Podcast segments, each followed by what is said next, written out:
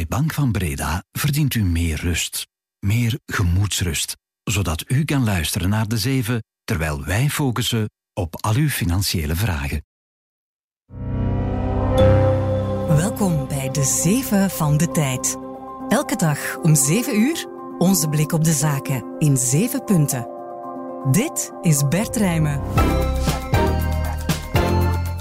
Goedemorgen. De kans op een akkoord over de premie voor elektrische wagens lijkt nog kleiner te worden. Zowel NVA als Open VLD houden het been stijf. Staalreus ArcelorMittal twijfelt om een geplande investering van meer dan een miljard euro in Gent te laten doorgaan. Net over de grens, in Duinkerken, vallen een pak meer subsidies te rapen. En we spreken met de winnaar van de beursrally, de beleggenwedstrijd van de tijd. Met welke strategie is die erin geslaagd om op het startbedrag van 50.000 euro bijna 20.000 winst te maken? Het is donderdag 8 februari. Welkom. De zeven van de tijd. 1. We hadden het er gisteren ook al over. De premie van 5000 euro voor wie een elektrische wagen koopt, die lijkt nu echt wel aan een zijden draadje te hangen. Minister van Energie Zouhaldimir wil de premie niet goedkeuren als Open VLD zich blijft verzetten tegen een zogenaamde knip in de groene stroomcertificaten. De subsidies zijn dat voor grote zonnepaneelinstallaties die Dimir al langer wil schrappen. Maar daar gaat Open VLD dus niet mee akkoord. Zo wordt de kans nog wat groter dat er geen akkoord komt over die autopremie. Tijd collega Daan Bleus van de politieke redactie is er opnieuw bij om meer uitleg te geven over dat geruzie in de Vlaamse regering. Goedemorgen, Daan. Dag Bert. Waarom koppelt N-VA die premie voor elektrische wagens zo fel aan de knip in de groene stroomcertificaten? Wel, dat dossier werd vorig jaar geblokkeerd door de liberalen. Uh, de Mier zette toen een decreet op poten om die zonnepaneelsubsidies af te bouwen. Ze zei, ja, dat gaat vooral naar grote bedrijven. Die hebben dat al lang terugverdiend. Dat is echt een, een erfzonde van Vlaanderen. Maar uh, ze vindt in het advies van de Raad van State over de premies nieuwe argumenten om uh, het stof van haar dossier te blazen. Ze zegt, de Raad valt nu over dezelfde punten als toen en waarmee jullie, de liberalen, toen dat dossier hebben tegengehouden. Dus ofwel zorgen we dat beide dossiers geregeld raken, ofwel sneuvelen de premies samen met de groene stroomcertificaten. Oké, stevige padstelling, want de liberalen lijken niet van plan om zich daarmee te laten ja, chanteren. Waarom? Oh, Bart Somers is misschien wel weg, die het vorig jaar tegenhield, maar uh, Gwendoline Rutte, zijn opvolger, houdt dezelfde lijn aan. Ze zeggen, ja, de groene stroomcertificaten, dat was gewoon niet te remediëren. Als we dat hadden doorgevoerd, die subsidieknip, dan dreigde ook de gewone burger zijn subsidies te verliezen. En daar waren nog een aantal onoplosbare problemen voor de liberalen. En zij zeggen, ja, die premies, dat is, daar is wel nog aan te remediëren. Lydia Peters heeft uh, bij ons het voorstel gedaan, dinsdag. Die zei, ja, we gaan zorgen dat we reserves gebruiken. Ik ga zorgen dat ik desnoods uh, de budgetten van de komende jaren ga gebruiken om dit jaar de premie te betalen, zodat we vermijden dat de premie lager zal uitvallen. En dat was uh, een van de struikelblokken waar de Raad van State op wees. Mhm. Als beide partijen hier uh, Daan het been stijf houden, dan sneuvelt die premie voor elektrische auto's. Ja, is dat in aanloop naar de verkiezingen toch geen vreemde zet van NVA? Wat hè, bijvoorbeeld met al die mensen die al een auto besteld hadden? Oh, het is zeker zo dat die teleurgesteld kunnen worden. Zij dreigen niet meer van de premie gebruik te kunnen maken, terwijl ze op dit moment misschien al een wagen besteld hebben. Bij sommige dealers zijn wel afspraken gemaakt, bijvoorbeeld een voorwaarde dat er dan toch overgeschakeld kan worden op een benzinewagen als de premie sneuvelt. Maar uh, ja, mensen die geen afspraak hebben gemaakt, die, uh, die dreigen vast te zitten aan een wagen die weliswaar minder dan 40.000 euro is gaan kosten. Sommige dealers verlaagden de prijs, maar dan wel zonder de subsidie. Je zou denken dat levert electorale schade op. Voor de Mier is dat geen belemmering. Ze zegt, ik ben consequent. Ik heb een gelijkaardige premie in 2019 afgeschaft. Ook met mijn verhaal van de groene stroomcertificaten. Ik ben daar tegen oversubsidiëring. Uh, ja, ze werpt zich al een hele legislatuur op als een Robin Hood die ten strijde trekt tegen subsidies voor de gegoede burger. En uh, dat verhaal houdt ze dus aan. Dat zal ongetwijfeld vuurwerk geven vrijdag op de Vlaamse regeringstafel. Dankjewel, Daan. Met plezier. Resultaten van vanmorgen voor beurs dan. Bank en verzekeraar KBC maakte vorig jaar een vijfde meerwinst. 3,4 miljard euro om precies te zijn. Dat is dankzij de oplopende rente in 2023.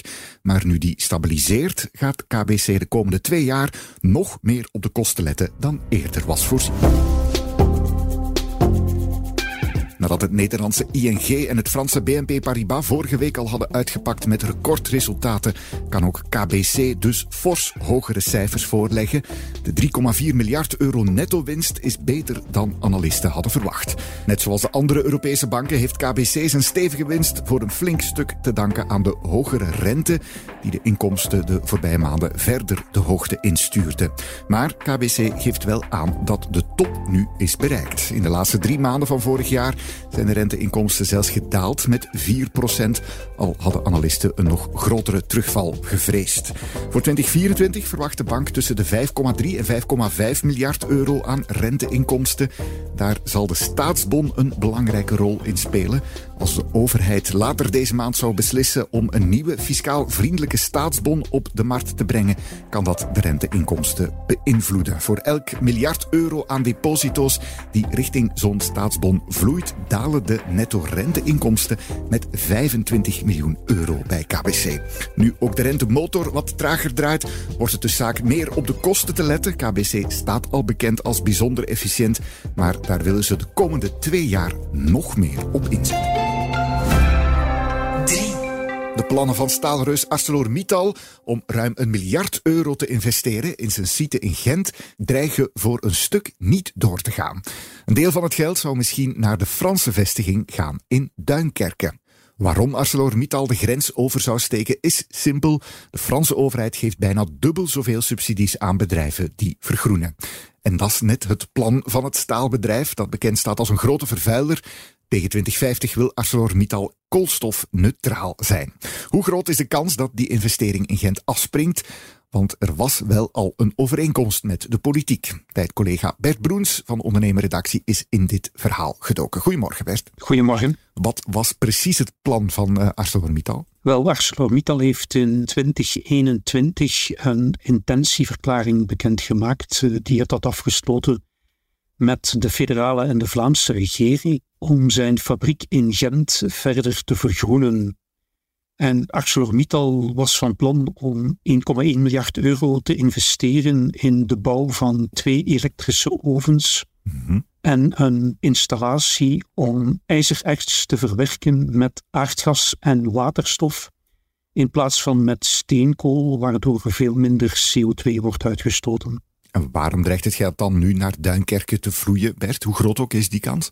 Het lijkt vooral een kwestie van subsidies en van centen te zijn. In Frankrijk eh, komen er ook investeringen in de vestiging van ArcelorMittal in Duinkerke. Daar gaat het om een project van 1,8 miljard euro. En de Franse overheid wil die investeringen steunen met 850 miljoen euro aan subsidies. Dat is bijna de helft waar het in België gaat om een kwart van het investeringsbedrag. En daarbij komt dat uh, ArcelorMittal in Frankrijk ook zou kunnen rekenen op veel goedkopere elektriciteit van het staatselektriciteitsbedrijf EDF. Arcelor zou dus een stuk van zijn vergroening niet in Gent, maar in Duinkerke doen. Is het dan slecht nieuws voor de toekomst van ArcelorMittal in Gent, uh, Bert, als hier minder wordt geïnvesteerd? Want ja, dat is wel de weg die het bedrijf wil inslaan. Het is natuurlijk nooit goed voor voor een belangrijk bedrijf zoals ArcelorMittal als het uh, een investering misloopt. Maar als die beslissing effectief zou worden, dan hoeft dat zeker niet het begin van het einde van uh, de vestiging te betekenen. Er zijn ook de afgelopen jaren nog andere investeringen gebeurd in vergroening. En het ziet er ook naar uit dat die elektrische ovens gaan komen. Dankjewel, Bert. Graag gedaan. Resultaten van vannacht uit de VS dan. Entertainment en media concern Disney heeft kwartaalcijfers gedropt en die waren best goed omzet kwam met 23,55 miljard dollar nagenoeg even hoog uit als vorig jaar, maar iets onder de analistenverwachting. De bruto winst landde op 3,8 miljard dollar. Dat is dan weer een stuk boven wat analisten verwachten. Disney krijgt zijn kosten dus duidelijk onder controle. Maar er was vannacht ook een lawine aan deals die topman Bob Iger heeft gesloten om Disney verder heruit te vinden. Zo krijgen de tv-kanalen van sportzender en Disney-dochter ESPN eind volgend jaar een volwaardige streaming variant, inclusief de optie tot gokken, te webshoppen en statistieken te bingen. Dat is waar Amerikaanse sportfans verzot op zijn. Tegelijk koopt Disney zich voor anderhalf miljard dollar in bij gamesbedrijf Epic Games. De moeder is dat boven het populaire Fortnite. Het idee is om een soort Disney World à la Fortnite te maken. Een platform waar mensen videogames vol Disney-figuren, zoals Spider-Man, kunnen spelen, zelf games kunnen maken en ook weer shoppen en van alles doen, zoals in de fysieke wereld. En dan is er ook nog een deal met de alomtegenwoordige Taylor Swift. De concertfilm van haar The Eras Tour zal midden maart exclusief te zien zijn op Disney+. En dat is toch symbolisch, want zowel Disney als Taylor Swift zijn de favoriete schietschijven voor rechts-Amerika. En to top it off, het is een hele lijst, maakte Disney en concurrenten Fox en Warner Bros. Discovery bekend dat ze de 14 sportzenders van hun klassieke kanalen gaan samen bundelen in één streaming-app alle grote Amerikaanse sporten dus samen in één app. Een baanbrekend moment op weg naar de volledige online shift, noemen experten dat. Weg dus van het traditionele tv-kijken. Nieuws genoeg dus daar bij Disney vannacht. 5. Goud, zilver, bitcoin en biotech. Met dat in portefeuille heeft de winnaar van de beursrally, de beleggerswedstrijd van de tijd is dat, op 10 weken tijd een winst gemaakt van bijna 20.000 euro op dat startbedrag van 50.000. En hij heeft daarmee de wedstrijd dus gewonnen. Luc de Batselier, hij is er heel blij mee, hoewel het toch spannend bleef tot op het laatste moment. Heel spannend, zeker de laatste dag. Ik moet zeggen, de laatste dag was ongeveer de langste dag van mijn leven, denk ik. Ik heb toen bijna de hele dag aan het scherm gekluisterd gezeten om de rally op te volgen. En uh, tot mijn verrassing ja, is het gelukt. De Batseli speelde onder een opvallende wedstrijdnaam, overheidsbegroting. Ja, dat klopt. Andere deelnemers zullen dat misschien wel grappig gevonden hebben. Gedacht hebben van, ah, we zien eens een, een overheidsbegroting in het groen. Ik hoop ook dat ik andere deelnemers geen wrang gevoel daarmee gegeven heb, want nu uh, denken ze misschien wel, oei, we hebben het slechter gedaan dan begroting nog. En overheidsbegroting had een duidelijke hoofd- en bijstrategie voor deze beursrally. Mijn hoofdstrategie was eigenlijk gebouwd rond, ik dat zeggen, harde activa zoals goud, zilver en bitcoin. Maar ik wist wel, of ik ging ervan uit dat andere spelers ook wel zo'n strategie zouden kunnen proberen. En dan heb ik daarvoor gezocht naar, naar aandelen die vrij bewegelijk zijn, vrij volatiel zijn. Dan kwam ik uit bij een aantal biotech-aandelen en daar is dan uiteindelijk ook mijn grootste winst mee gemaakt tijdens de wedstrijd. Ook in het echte leven vindt Luc goud, zilver en bitcoin belangrijk voor een goed gespreide portefeuille. Zijn liefde voor beleggen heeft hij te danken aan zijn moeder. En nu geeft Luc de microben door aan zijn vrouw. Ik heb haar uh, verleid om ook eens mee te doen aan de beursrally. Mijn, mijn vrouw is daar totaal normaal gezien niet mee bezig met beleggen. En uh, ze zei van ja, ik ga dat eens proberen. En, en tot haar verwondering uh, zelf ook heel goed gescoord. Ze had natuurlijk wel een, een aantal tips van mij overgenomen. Maar ze namen ook heel andere posities in daarnaast. Op een bepaald moment stonden we zelfs tot onze grote verrassing stond, stonden we op plaats 1 en 2 samen. Wat, eigenlijk onwaarschijnlijk was. Maar dat hebben we niet, niet lang volgehouden. De prijzenpot, 10.000 euro op een beleggersrekening, willen Luc en zijn vrouw gebruiken om het huis te renoveren en verder te beleggen, natuurlijk. Er is ook een fondsenwinnaar trouwens in de beursrally. Peter van Laren en Jelle Vaas, die won de studentenprijs. In Amerika doen uitspraken van ex-president Donald Trump de beurskoers van AB InBev opveren. Hij vraagt bierdrinkers op sociale media om Bud Light een tweede kans te geven, omdat AB InBev volgens Trump geen woke bedrijf is. Het aandeel van AB InBev is gisteren 4% gestegen. De beste dag is dat in meer dan drie maanden. Vorig jaar was reclame voor Bud Light met een transgenderster bij veel conservatieven in Amerika een slechte aarde gevallen. Dat deed de verkoop in de hele VS kelderen. Maar, zegt Trump nu op social media, Anheuser-Busch is geen woke bedrijf. Het is een great American brand en het verdient dus een tweede kans. Sinds een mislukte campagne is de strategie van AB InBev ook al wel veranderd. Zo is de bierreus intussen sponsor geworden van de Amerikaanse kooivechtcompetitie. 7. Introducing Finish Ultimate. Engineered for the ultimate clean and the toughest conditions. Klinkt vrij episch dit, een reclamespot voor vaatwastabletten van Finish.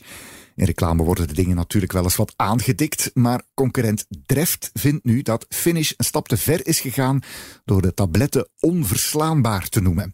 Zo kwamen Dreft en Finish terecht in een juridische afwasoorlog. Dreft, het bekende afwasmiddel uit de Procter Gamble stal, heeft concurrent Finish gisteren voor de Brusselse ondernemingsrechtbank gedaagd. De reden is dat Finish de reclamewetgeving zou overtreden, omdat campagnes niet misleidend mogen zijn of kleinerend voor de concurrenten. Volgens de advocaten van Dreft impliceert de term onverslaanbaar een vergelijking met de rest en daarom vragen ze dat de rechter de campagne van Finish stopzet. Daar vinden ze de klacht onterecht, omdat consumenten dat soort taalgebruik gewend zouden zijn als het over afwasmiddelen gaat. De rechter heeft de afwasoorlog nu in beraad genomen. Daarmee is deze de zeven erop. Wie nog niet is uitgeluisterd, kan ik de nieuwste episode aanbevelen van de Beursvailleurs of the Record. Deze keer praat host Elver Morgen met Jolien Brouwer. Die is sales manager bij Amerikaanse fondsenreus Invesco. Zij laat haar licht schijnen op de grote trends in de wereld van passief beleggen. De trackers of ETF's dus. En daar zijn steeds meer mensen in geïnteresseerd. Ik denk dat steeds meer mensen het inzien dat het belangrijk is om spaarpotjes te gaan maken voor studerende kinderen of pensioen. Ik heb ook wel wat, wat cijfers over pensioengaten in, uh, in België en in Nederland. Ja, dat is gewoon echt significante bedragen zijn. Dat er steeds meer mensen zijn bezig met: oké, hoe ga ik dat oplossen? En hoe kan je dat op een hele makkelijke, transparante en relatief goedkope manier doen? Dat is met ETF's. De beursvailleurs of the record enkel te beluisteren via tijd.be of in de app. En op diezelfde plaatsen kan je vanmiddag om 12 uur kijken en luisteren naar de CEO Talks. Deze keer is Vincent Querton te gast. Is de topman van winkeleigenaar Ascensio. Dat ontpopte zich de voorbije jaren tot een van de meest standvastige aandelen in het Belgische vastgoed. Hoe heeft Querton dat gedaan en hoe kijkt hij naar de toekomst? Zijn alvast twee goede vragen. Heb je er nog meer? Dan kan je ze nu al stellen op tijd.be en kijk er dus straks om 12 uur. Voilà, helemaal klaar nu. Een fijne dag en tot morgen. Dit was De Zeven met Bert Rijmen. Productie door Lara Droesaert van op de redactie van De Tijd. Bedankt om te luisteren. Morgen zijn we er weer. Tot dan.